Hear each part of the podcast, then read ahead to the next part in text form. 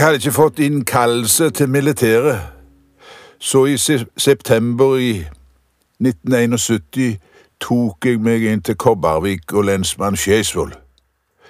Her kom jeg inn med en gang. Jeg fikk lagt fram ærendet mitt, og Skeisvoll tok telefonen og ringte Krigskommissariatet Sørlandet i Kristiansand. Han i andre enden prøvde seg med at han ikke tok sånne saker over telefon. Han ville ha brev. Bjarne heva stemmen litt. Det er lensmannen i Avaldsnes som ringer. Dette får du ordne opp i med en gang. Ring til Bars når du vet hvor han kan møte. Ei veke og to seinere møttes hundrevis på et gammelt bedehus i Stavanger for å bli fordelte. Endeløst med navn ble oppropt for Evje og deretter mange for Bardufoss. En liten gjeng satt igjen for Kongsberg og Høystadmoen. Der vi ankom med tog utpå natta, kanskje den 11. oktober. Etter å ha vært i leiren noen veker skulle vi en lørdag på ekskursjon til Bergverksmuseet på Kongsberg. Her var det at jeg møtte Stiger Dusterud, som da var leder for museet. Han var da en eldre mann, men som kjente godt til Viksnes og folk fra Kongsberg som hadde vært på Visnes, som Gråten og Engedal og Smørskår og Holter med flere. Han fortalte om Sølvverkets venner, og det ble etter hvert med åra mange besøk til Kongsberg, og dette var et av forløpet for det som skulle skje på Visnes. Jeg kom hjem i slutten av september i 1972, fikk jobb i Syd-Varanger, som tidligere dette året hadde overtatt boet etter Viksnes kobberverk. Jeg gikk på pumping i Gamlagrua i Rødkleiv sammen med Harry Røkke. Det var ei interessant tid med mye løye. I utenkt uvitenhet rydda meg og Harry småhuset rundt sjakta for all slags dildal-holum, som vi tippet i store hull ned på slammen.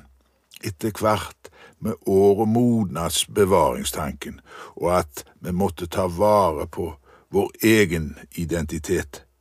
Så kom møtet med Hans Lund Andersen, der han etterspurte en juridisk body. Så ble Kobberverkets venner stifta, og så har det gått 45 år. Det var oppstart av Gruvemuseet på det gamle administrasjonskontoret i 1985, med festforestilling og med Komseorkesteret. John knekte staven på Komså, og staven fauk ut i salen der Svein Lande satt og holdt på å le seg i hjel. Svein Lande hadde hjertet for Visnes og gav museet fine glassmalerier han hadde lagd. Svein hadde hørt godt etter det far hans Sven hadde fortalt, blant annet om at det var flere som hette Alek i Visnes. Du, uh, Alek, hette far din Alek Ek, eller hette han Alek Hauge? Bestefar min hette Alek Hauge. Å jaså, og dette er du sikker på? en søndags formiddag sto han plutselig i trappa på vei opp i stua, da Anne, kona mi så denne mannen med alpehua som var blitt både vid og side, og som hun aldri hadde sett før. Jeg så det hele gjennom espalier. Eh, er det her det kumler til middag, sier Sven. Hva? sier Anne og er villrede. Er det her det er kumler til middag? Da måtte jeg bryte inn i full latter. Faren, Sven Lande, og hans to brødre hadde vært med Visnes-gjengen i Montana. Faren ble en ihuga malmleiter, eller prospektor, som Svein sa. Sven, altså faren, hadde like før krigen fått store statlige midler til å bedrive geofysiske målinger med utgangspunkt i Visnes. Det var Jo, den som fikk Hans Lund Andersen til å bli bergingeniør, som Hans har fortalt om her på huset. Flere av disse landebrødrene ble handelsmenn i Haugesund, med opptjente penger fra Amerika. Rett opp av landehjørnet lå Håvik kolonial.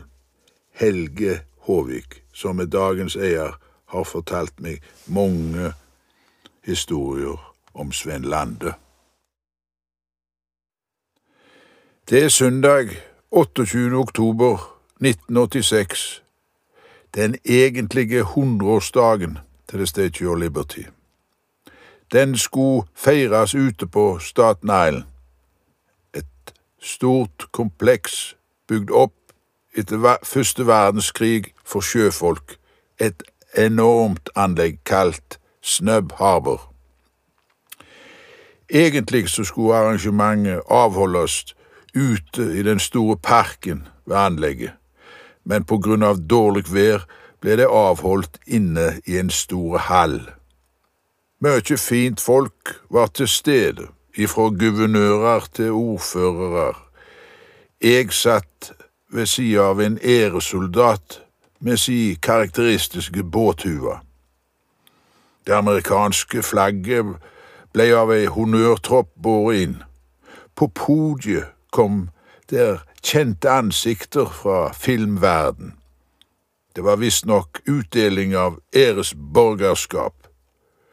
Jeg husker Pran kom opp på podiet, han fra filmen The Killing Fields.